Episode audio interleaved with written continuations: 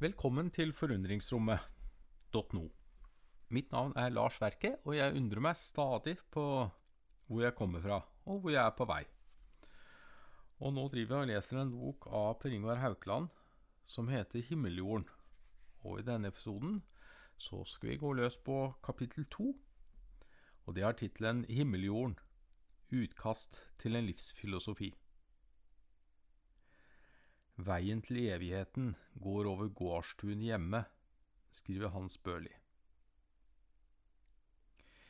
I dette kapitlet skal jeg lage et utkast til hvordan jeg ser på himmeljorden som en personlig livsfilosofi, eller en økosofi. Jeg betrakter utviklingen av en livsfilosofi som en del av den bevisstgjøringen av sammenhengen mellom én, hva vi ser og erfarer, livssyn, og to, hvordan vi lever, livsstil. Det knytter seg til helheten av hva vi vitner om, og hvordan vi bærer vitnesbyrdet fram, altså forholdet mellom erfaring og handling, tro og virke. Jeg vil bruke erfaringer fra mitt eget liv til å illustrere utviklingen av en livsfilosofi. Gjennomgående i dette kapitlet er et bilde, livstreet, som jeg vil benytte for å beskrive livsfilosofien. Livstreet Livstreet er for meg et viktig symbol på det som knytter oss nærmere til himmeljorden. Det sier noe til meg om det levde liv, ikke bare det liv vi tenker oss, noe kanskje kunnskapens tre symboliserer, at vi kan tenke oss adskilt fra naturen, når vi i virkeligheten ikke er det, finner jeg svært problematisk. Om vi handler på bakgrunn av en abstrakt og feilaktig kunnskap, så kan det få skadelige konsekvenser for naturen og oss selv.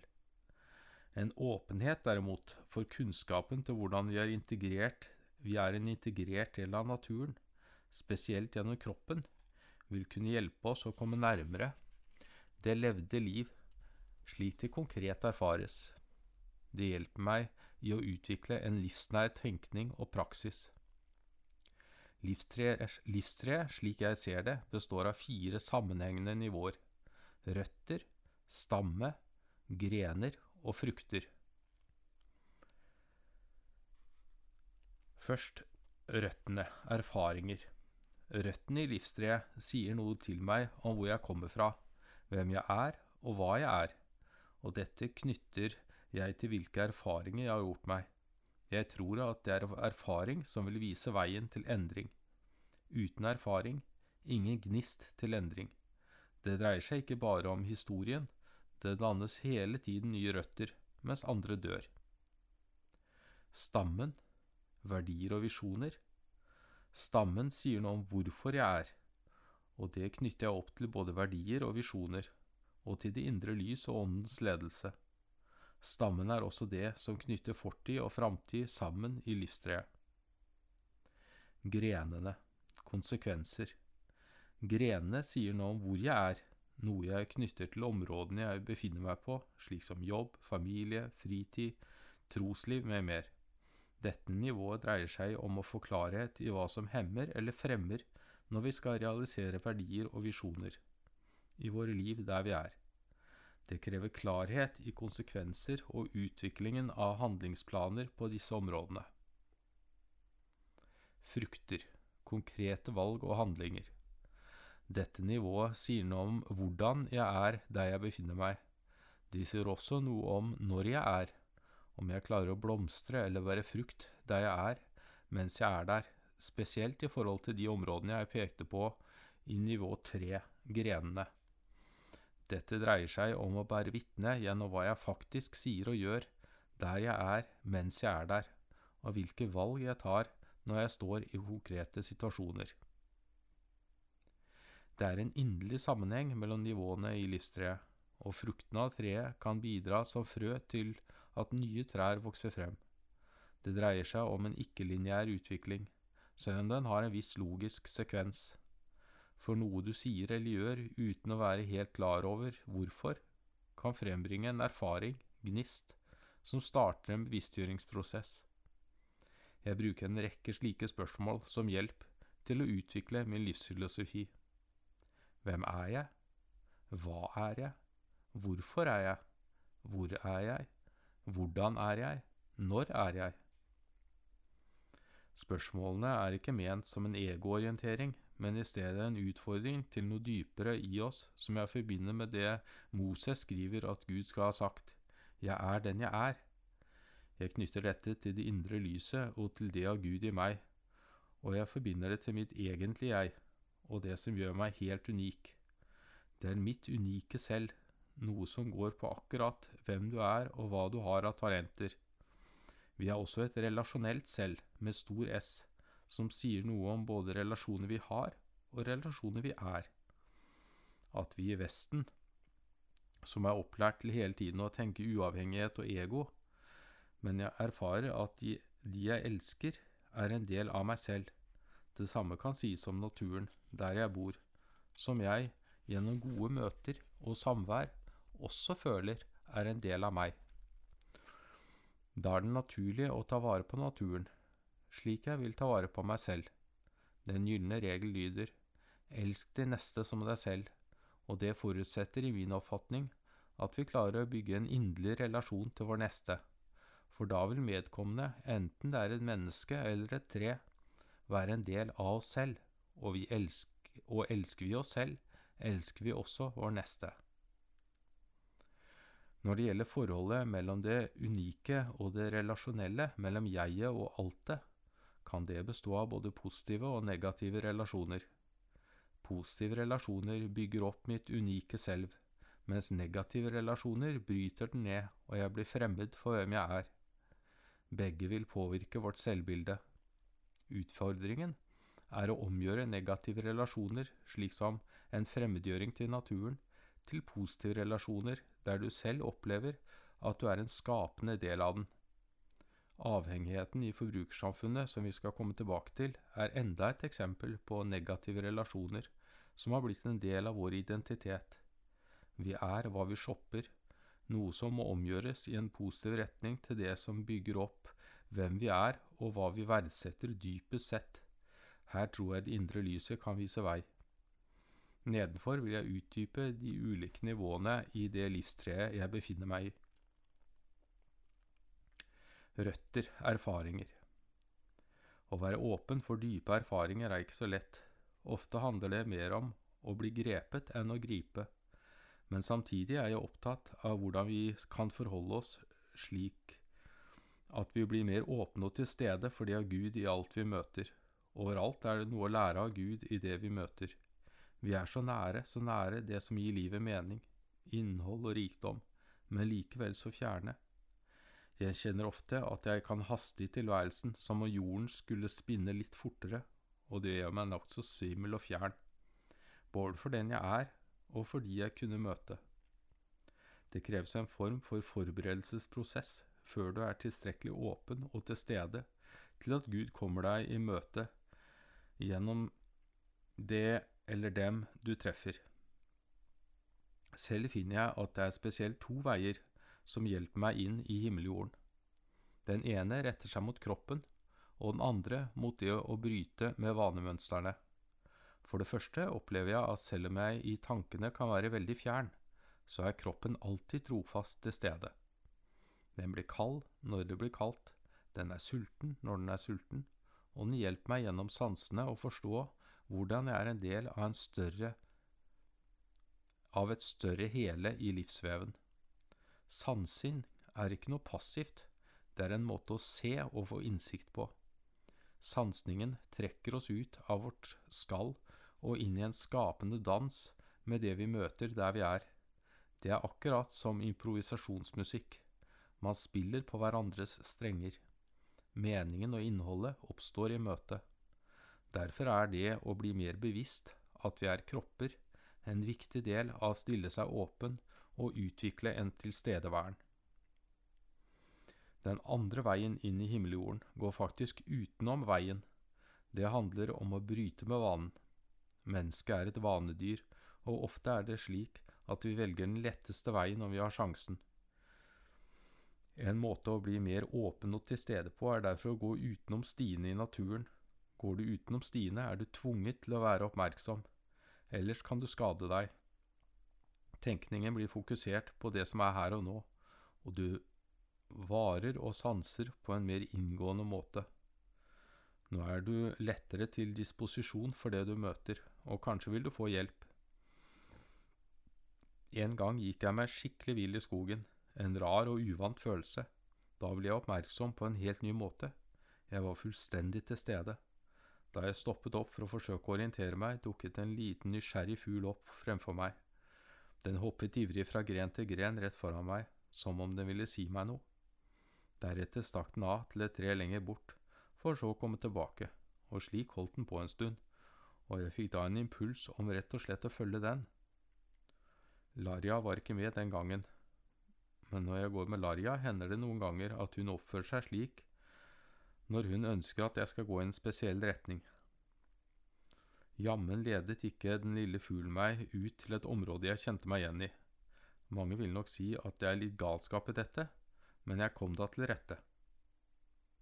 Det har jo en funksjon å gå på de brede stiene, og jeg føler ofte at jeg får klarhet i tankene når jeg vandrer slik, men da er det fort gjort å vandre forbi det som kan gi livet innhold og retning. Slik er det jo ellers i livet også, ikke bare i den frie natur. Vi går ofte på veier som andre har gått opp før oss, og vi bare trasker av gårde uten å spørre hvor veien fører oss. Vil denne karriereveien gjøre meg lykkelig? Slike spørsmål er vi ikke vant til å spørre, men jeg tror de er viktige. Vi trenger å ta vår retning opp til ny vurdering, for å komme nærmere den vi er. Det at vi blir mer oss selv, gjør også at vi blir flinkere til å spille på oss selv i livets orkester. Her skal jeg komme med noen eksempler på dype erfaringer som har ledet meg til min forståelse av himmeljorden. Så lenge jeg kan huske, har jeg hele tiden trodd at Gud er i naturen. Da mor og far ba aftenbønnen, Kjære Gud, jeg har det godt, ble det alltid lagt til at Gud også måtte bevare alt som vokser og gror. Det gjorde sitt til at jeg trodde Gud var i alt som vokser og gror, som noe bevarende. Min far snakket om naturen som en katedral, hvor han selv sterkt følte Guds nærvær. Slik ble det også naturlig at brødrene mine og jeg kom til å føle det. Spesielt min bror Lars, som var to år eldre og så fikk navnet Stifinner-Lars, for han var så flink til å finne stiene i naturen, viste meg stien inn i naturen. Jeg var vel ca. fem–seks år da Lars kom inn på rommet mitt en sen høstkveld etter at jeg hadde lagt meg. Han hadde på seg fullt yttertøy og bar på en madrass. Nå skal du få være med på noe spennende, sa han, og når han snakker slik, er jeg ikke sen å be, jeg kledde på meg en fei, og vi klatret så på taket på huset vårt i Tvongsberg. Det var november, bekmørkt og ingen forstyrrende gatelys. Lars la ut madrassen, og vi la oss på ryggen og kikket opp på stjernene. Det var første gang i mitt liv at jeg virkelig så stjernehimmelen. Det var så overveldende at jeg ble liggende og gape. Lars hadde fått seg stjernebok og skulle vise meg stjernebilder, men også han ble liggende nokså stum. Det var enormt med stjerner, og de lyste så sterkt mot oss. Lars fortalte etter en stund om planeten Jorden, som vi bodde på, at vi også, som stjernene, reiste rundt i verdensrommet.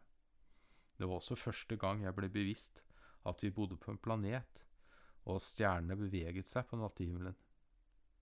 Jeg kan huske at jeg var utrolig glad for å få oppleve det, og føle at vi er en del av noe så stort. I etterkant føler jeg at denne erfaringen var nærmest en mystisk erfaring av samhørighet med storheten i naturen, noe hellig, som om jeg var kommet nærmere det vi kalte Gud. Noen år senere skjedde noe annet som også skulle sette dype spor i min sjel. Det var sammen med stifinne-Lars. Han var indianerhøvding fra Kiowa-stammen under leken i skogen på gamle Grensåsen. Han levde seg fullt og inn i det å være indianer ved å lage klær, pil og bue, fjærpryd og maling, og han hadde lest at indianerne snakket til alt i naturen, som brødre og søstre. Derfor måtte vi alltid spørre bror Beck om lov når vi skulle krysse den.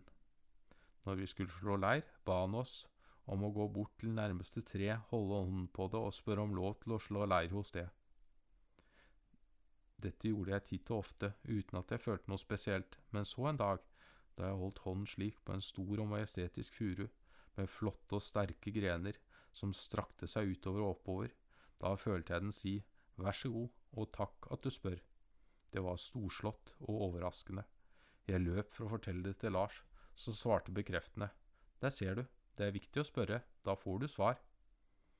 Det var første gang jeg ble oppmerksom på at et tre ikke bare er et tre, men et levende liv, og at vi på mange måter kan kommunisere med det. I etterkant føler jeg at jeg møtte det av Gud i treet, og jeg ble mer oppmerksom på at man like ofte kunne møte storheten i naturen i det små som i det store. Mange år senere forsøkte jeg å oppsøke denne flotte furua, og da jeg lette meg frem til stedet, ble jeg slått i bakken. Stedet var hugget ned, klart for et nytt boligfelt. Jeg fant frem til den store stubben til den majestetiske furua, satte meg ned og gråt en tåre for den i mitt indre. Jeg husker at da jeg kom til konfirmasjonsalderen, snakket jeg med presten om slike erfaringer med Gud i naturen. Han forsto det ikke, han forklarte derimot på en mild måte at Gud er i himmelen, og vi er på jorda, og først etter døden skal vi møte Gud ansikt til ansikt. Det rimte ikke for meg, siden jeg erfarte at jeg møtte Guds ansikt i alt levende i naturen, men presten sa, du ser ut som en gløgg fyr, så du burde begynne i TenSing. Der holdt jeg ut bare én time. Skuffet slo jeg bort min kirkelige impuls. Jeg dro til St. Louis i USA etter gymnaset med idrettsstipend for å studere. Der ble jeg konfrontert med rasisme, og det gjorde sitt til at jeg ble pasifist og engasjerte meg i fredsbevegelsen og antirasismebevegelsen i USA. Så en sommer, da jeg haiket rundt i USA, kom jeg til Green Gulch Buddhist Center nord for San Francisco, der den vietnamesiske munken Thich Nhat Hanh var på besøk. Det brakte meg inn i stillheten som meditasjonens store mysterier. Og han åpenbarte for meg en tilstedeværen i livet som jeg ikke hadde kjent på før, utenom kanskje da jeg lekte i naturen som barn. Gjennom stillheten og meditasjonen, helst ved sjøen eller i de store redwoodskogene, våknet følelsen for det av Gud i naturen igjen, og jeg begynte å studere økofilosofi og pedagogikk, og engasjerte meg i den dybdeøkologiske bevegelsen som student i Oregon. Zenbuddhisme var tiltrekkende for meg, og det er mye slektskap til kvekerne i den når det gjelder stillheten, men det kulturelle uttrykket var fremmed for meg. Jeg begynte å oppsøke ulike indianerreservater for å se om det var indianere jeg er, innerst inne. Jeg følte meg på en måte hjemme i tradisjonene deres fra barndommen av men så i møte med Hopi-profeten Thomas Banyansa kom et vendepunkt som ledet meg til kvekerne. Han sa at jeg måtte søke i min egen historie, ikke i deres, for alt jeg søker, finnes i meg selv og i mitt folks historie. Da vendte jeg blikket til kristendommen igjen, og fant til min glede at det var et mangfold av tradisjoner jeg ikke hadde hørt om i oppveksten, blant andre de kristne mystikerne som snakket varmt om Gud i naturen som vi var inne på i forrige kapittel. Jeg kunne likevel ikke finne meg til rette i de kirkelige dogmene og hierarkiene, men så, i et lite antikvariat i Orgin, Oregon, fant jeg en, godt lest bok av Rufus Jones, Kvekernes tro og virke, og da følte jeg at jeg hadde funnet mitt åndelige hjem, noe jeg fortsatt føler, nær 20 år senere. Mitt samarbeid med Arne Næss og mitt engasjement for dybdeøkologien har også preget min livsfilosofi. Ness var ikke overrasket da han hørte at hans filosofiske forbilde Spinoza hadde kveker i vennekretsen. Han pekte på at en av samfunnsvisjonene til Spinoza var å utvikle et vennenes samfunn. Mye av presentasjonen av Spinozas filosofi i boka Livsfilosofi, som Ness og jeg samarbeidet om, er inspirert av de mange samtalene om Spinozas gudsbegrep og mitt kvekesyn. Dette kom bl.a. til uttrykk i beskrivelsene Spinoza, om Spinoza som panenteist, en som oppfatter at det er noe av Gud i alt. Et eksempel på at det er noe av Gud i våre medskapninger, er mine to hunder, Larja og Maya. Jeg opplever ikke at de bare er fysiske vesener som handler ut ifra biologiske behov og instinkter. Like ofte ser jeg at visse handlinger springer ut fra omsorg og kjærlighet. Da jeg fikk Larja, var hun en valp på fire måneder av et kull på ni. Det er en spesiell historie hvordan vi fant hverandre. Da jeg arbeidet med doktorgraden i Berkeley, kunne jeg bli så opptatt av arbeidet at jeg ikke sanset noe rundt meg. En søndag fikk jeg likevel bestemt meg for å dra på andakt i et kvekermøte like ved. På veien dit kom en liten valp uten halsbånd til meg og ville tydeligvis leke. Jeg var selvfølgelig sent ute og ristet henne av meg. Da jeg satt i andakten, kunne jeg ikke annet enn å tenke på oppgaven jeg holdt på med. Plutselig reiste en dame seg og fortalte om en liten valp hun nettopp hadde fått. Hun visste ikke hvorfor hun skulle fortelle om den, men hun fortalte levende om hvor sterkt hun følte seg til stede i livet når hun var med den. Da slo det meg som lyn fra klar himmel. Valpen hadde forsøkt å få meg ut av mitt livsfjerne vanemønster, og kanskje var det det av Gud i den som kom meg i møte og ville riste meg ut av min fjernhet. I stedet ristet jeg den bort. Jeg følte en dyp anger og løp ut av andagsrommet for å se om jeg kunne finne den, uten hell. Sørgmodig måtte jeg vende hjem, men nå med en klarere bevissthet om ikke å miste taket på det levende liv. Da jeg kom tilbake etter endt grad utpå året, besøkte jeg en venn som nettopp hadde fått ni valper Alaska husky. Jeg tenkte på at jammen ville det vært fint å skaffe seg en hund nå som jeg ønsker å slå meg mer til ro. Hundene hadde vært ute på en grønn slette for å leke, og nå kalte han dem inn. Da kom en av valpene direkte til meg, og det var som om jeg kjente henne igjen. Hun var helt lik den valpen som prøvde å få tak i meg i Berkeley. Var det mulig? Etter en stund hvor alle de andre valpene syntes å virre hit og dit, forble denne valpen hos meg for å kose. Det endte med at hun ble med hjem. Da Larja var to år, fikk vi nyss om at en av søstrene hennes skulle avlives fordi hun hadde utviklet astma og ikke egnet seg i hundespann. Det var en forferdelig tanke, og det endte opp med at vi fikk Maya hjem til oss.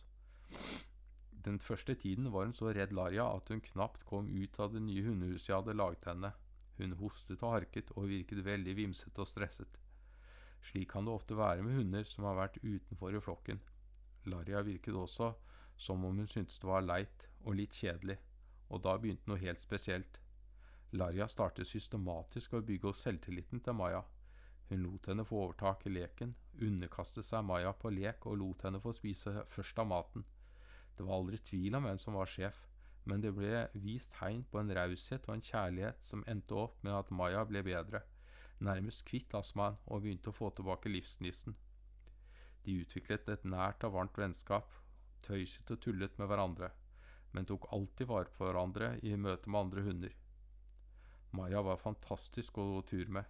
Hun fikk aldri nok kos, og ulik Larja, som løper langt i forveien og utforsker her og der, gikk Maya alltid nært bena våre og når vi satte oss ned, var kosebehovet umettelig.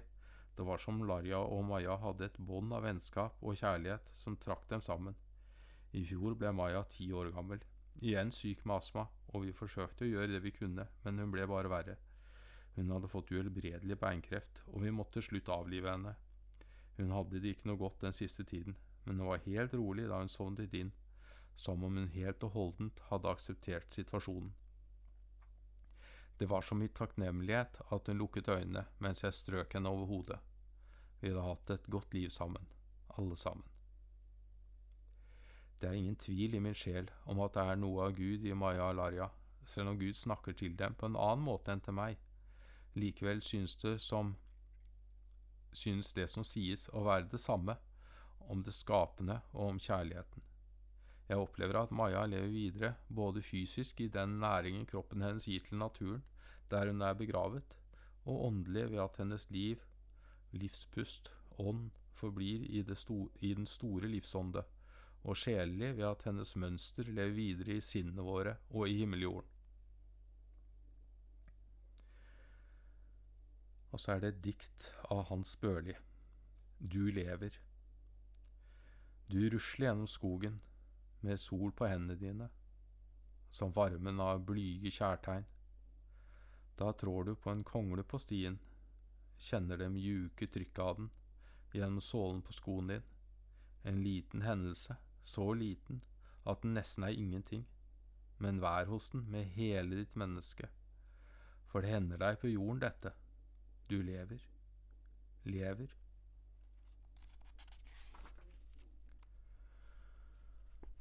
Stamme verdier og visjoner. De nevnte erfaringene er dype inntrykk jeg har ikke alltid vært meg bevisst betydningen av. Hva sier de om hvem jeg er, og om hva jeg erfarer? De har likevel tent en gnist i meg og startet en bevisstgjøringsprosess om hva jeg finner dypt verdifullt og meningsfullt. Det er mange ting vi møter i det ytre som belyser dypere verdier i vårt indre. Dype erfaringer er dermed en måte å komme hjem til seg selv på. Om vi ikke arbeider med bevisstgjøringen, vil vi heller ikke kunne la erfaringene prege vår retning i livet slik de fortjener. De sier jo noe vesentlig om oss selv, og de bidrar til stammen i vårt livstre.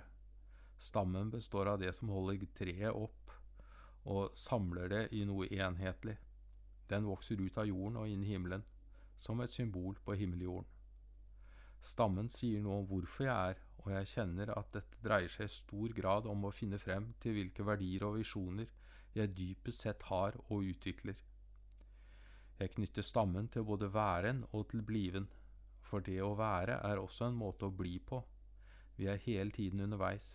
Det dreier seg om den kjærlighetsdrevne innsikt i livet, livsfilosofi, både i tanke og handling.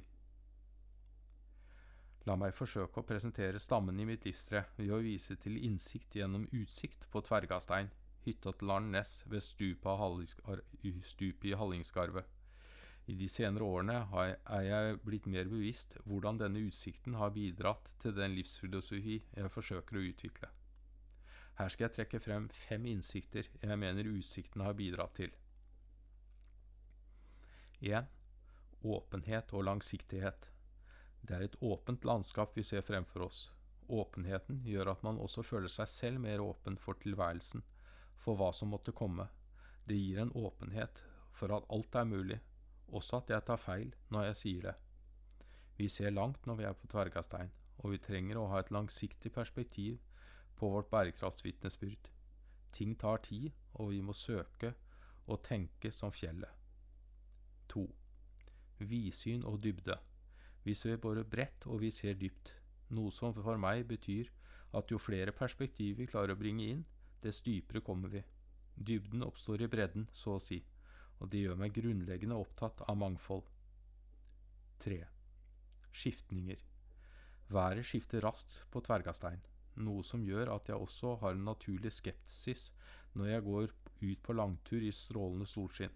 Det kan skifte.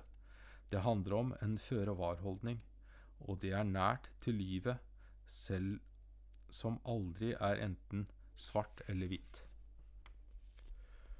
4. Storhet.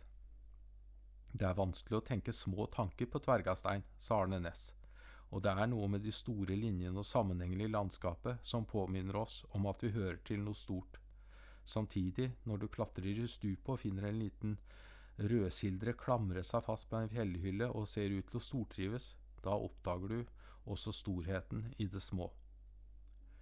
5. Helhet og sammenheng. Det man ser i landskapet, er helhet og sammenheng. Man kan ikke skille noe fra det andre i det man ser. Alt henger sammen. Og slik opplever jeg det også i min livsfilosofi og med kvekevitnesbyrdene. De er en helhet. Når det gjelder livsstilen på Tvergastein, så er den preget av at man føler man er på et hellig sted, der det er om å gjøre å trå varsomt og ta hensyn til alle skapninger som bor der. Her vil jeg trekke frem fem sider ved Tvergastein-livsstilen, slik jeg erfarer den. 1. Enkelhet. Det rike livet, med enkle midler, preger livet på Tvergastein. Det vesentlige får plass. Hver ting blir tatt godt vare på. Om ting går i stykker, blir de forsøkt reparert. 2. Aktivhet. Dette går på aktiviteter der man er til stede med hele seg. Man er ikke bare opptatt, men gjør noe dypt meningsfylt gjennom alt man gjør. Det kan godt være å hugge ved eller bære vann, men du gjør det med en tilstedeværelse som gjør at du i kropp og sinn er mer oppmerksom på at det er akkurat nå du lever. 3. Nærhet. Dette handler om å komme nær hverandre våre medskapere i naturen og seg selv. Nærheten oppstår gjennom det man gjør. Sjelden føler jeg meg nærmere fjellet enn når jeg klatrer forsiktig i det. 4. Lekenhet. Arne Næss pleide å si at selv om livet ikke er noen lek, er det viktig å leke i livet. Noe vi voksne burde lære mer av, for i leken er vi spontant til stede. Og det er i det spontane at livet i all sin mangfoldighet kommer oss i møte. Livskunst og livsglede er punkt nummer fem. Dette handler om å dvele ved livets egenverdier om å gå turer, se på skyene, kjenne på luktene og være til stede med hele seg selv. Men det handler også om å mestre svingningene, både det mørke og det lyse, det kalde og det varme. Livskunst er å klare å se storheten i det små. Det er grunnleggende i mitt liv at jeg gledes ved det jeg gjør. Det betyr ikke at man går rundt og er glad hele tiden, men at den dype gleden ligger som en grunntone i det jeg foretar meg. Klarer vi å leve mer i tråd med det indre lyset og våre verdier, erfarer jeg at det medfører en sterk livsglede. Dette utgjør en stamme av verdier i den økolivsfilosofi jeg søker å utvikle. På tilsvarende vis kan vi alle forsøke å utvikle vår livsfilosofi i tilknytning til steder der vi føler oss hjemme. Når det gjelder mine visjoner for framtiden, er de mangfoldige, men underliggende er at vi er mer bevisst himmeljorden og åpne for det av Gud i naturen. For jeg tror det kan bidra til et samfunn der vi lever mer naturvennlig og i samspill med våre medskapninger. Vi er alle en del av et mangfoldig samfunn, ikke bare av mennesker, men også andre arter, noe vi må bli mer bevisst i hvordan vi tenker og handler der vi er. De dype erfaringene er på en måte en rettesnor og veileder for hva som er vesentlig, og hva som ikke er det. Samtidig finnes et indre mørke som forkludrer, tåkelegger og gjør ting uklart, noe jeg forbinder med egoet. Egoet er som en mørk sky rundt selvet, som kan hindre det indre lyset fra å bryte igjennom. Slik blir lys som bryter gjennom skylaget, et symbol og en påminnelse om prosessen i mitt indre. Når målet, slik jeg ser det, er å legge ego til side, betyr det ikke å fornekte det som gjør meg unik eller mitt egentlige jeg, men å legge til side egenviljen som bare tenker på seg og sitt. Det er å si ikke som jeg, ego, vil, men som du, mitt egentlige jeg, det indre lyset vil. Følger vi det indre lyset, opplever jeg at bønnen La din vilje skje på jorden som i himmelen realiseres. Guds vilje er også vår vilje, dypest sett. Og Gud vil med oss det vi kan ut fra hvem vi er innerst inne.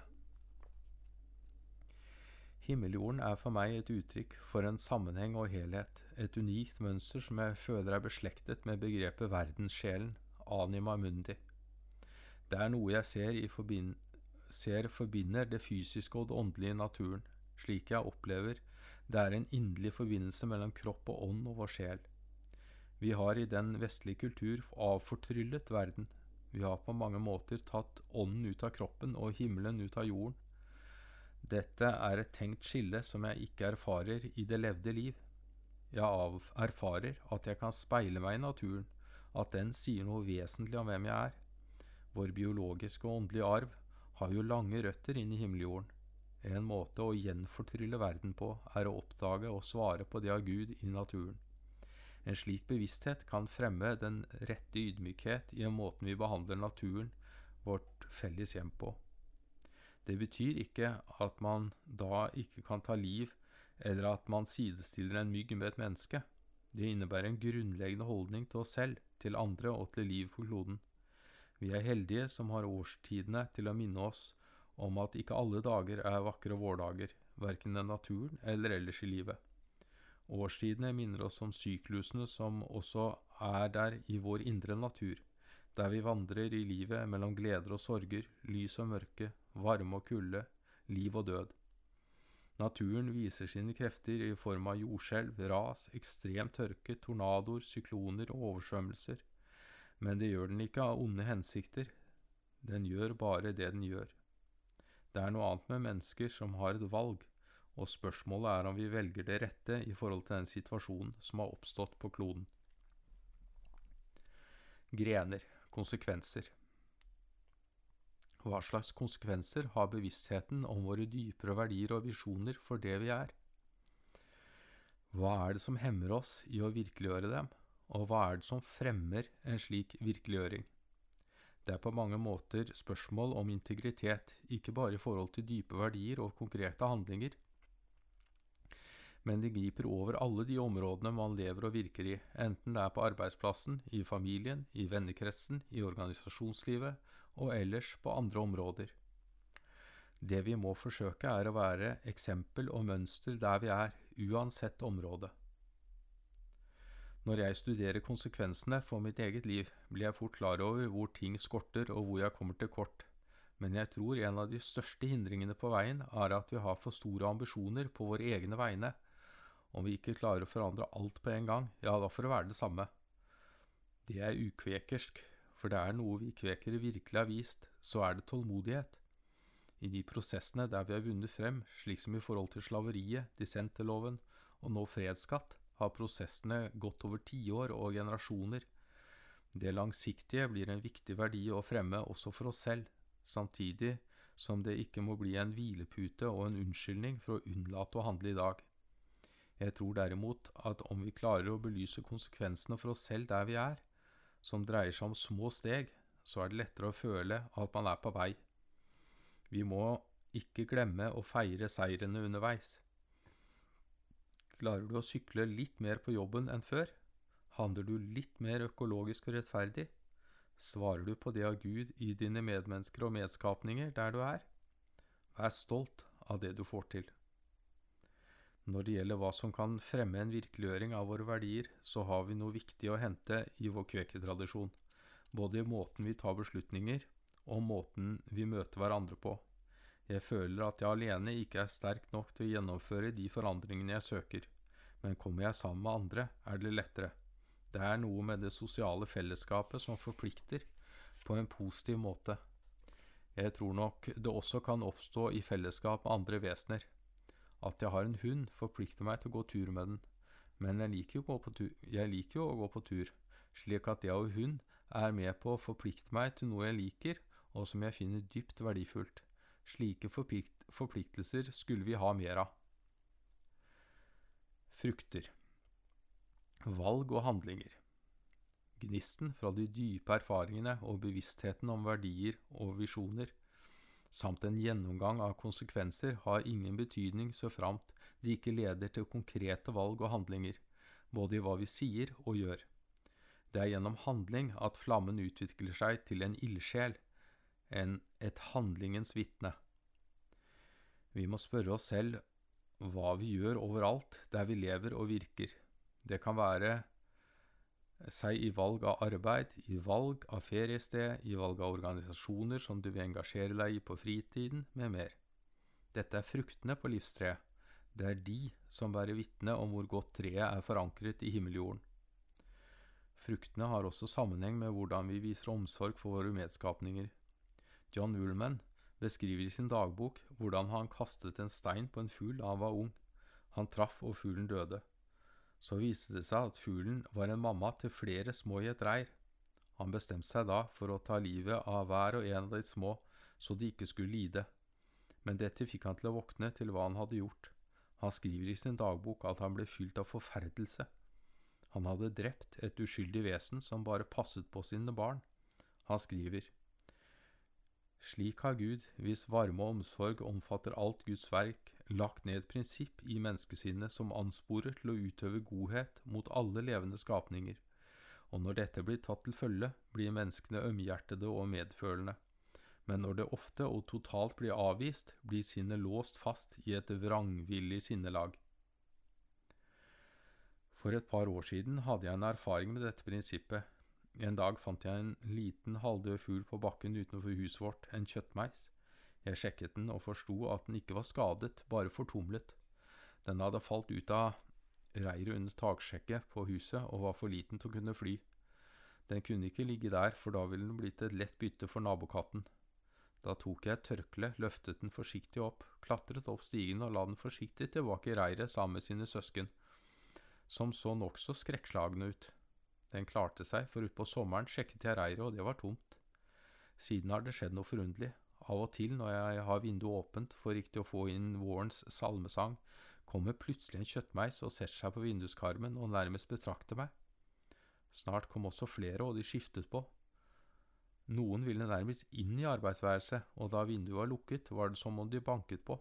Jeg fikk en sterk fornemmelse om at det var den lille fuglen og slektningen deres, og at de kom for å vise meg frem. Se, der er han, en god venn av familien, han reddet lillegutt. Jeg gleder meg stort over å tenke at kanskje er det den som flyr frem og tilbake her med kjæresten sin nå, for igjen å stifte en familie i trygge omgivelser. Det gleder meg å ha et så hyggelig naboskap, og selv synes jeg de smiler og hilser hver gang de flyr forbi. Earth Quaker Engelske kvekere i Living Witness-prosjektet bruker uttrykket Earth Quaker for sitt felles tidsskrift. I Alliance of Wild Ethics har mine venner David Abram og Stephen Harding, Per Espen Stoknes og jeg forsøkt oss med et nytt engelsk ord, earth, som for meg representerer hva jeg mener med himmeljorden. Det ble utviklet på en felles tur i norske fjell, da vi skulle beskrive hvordan vi opplevde det å være en del av naturen.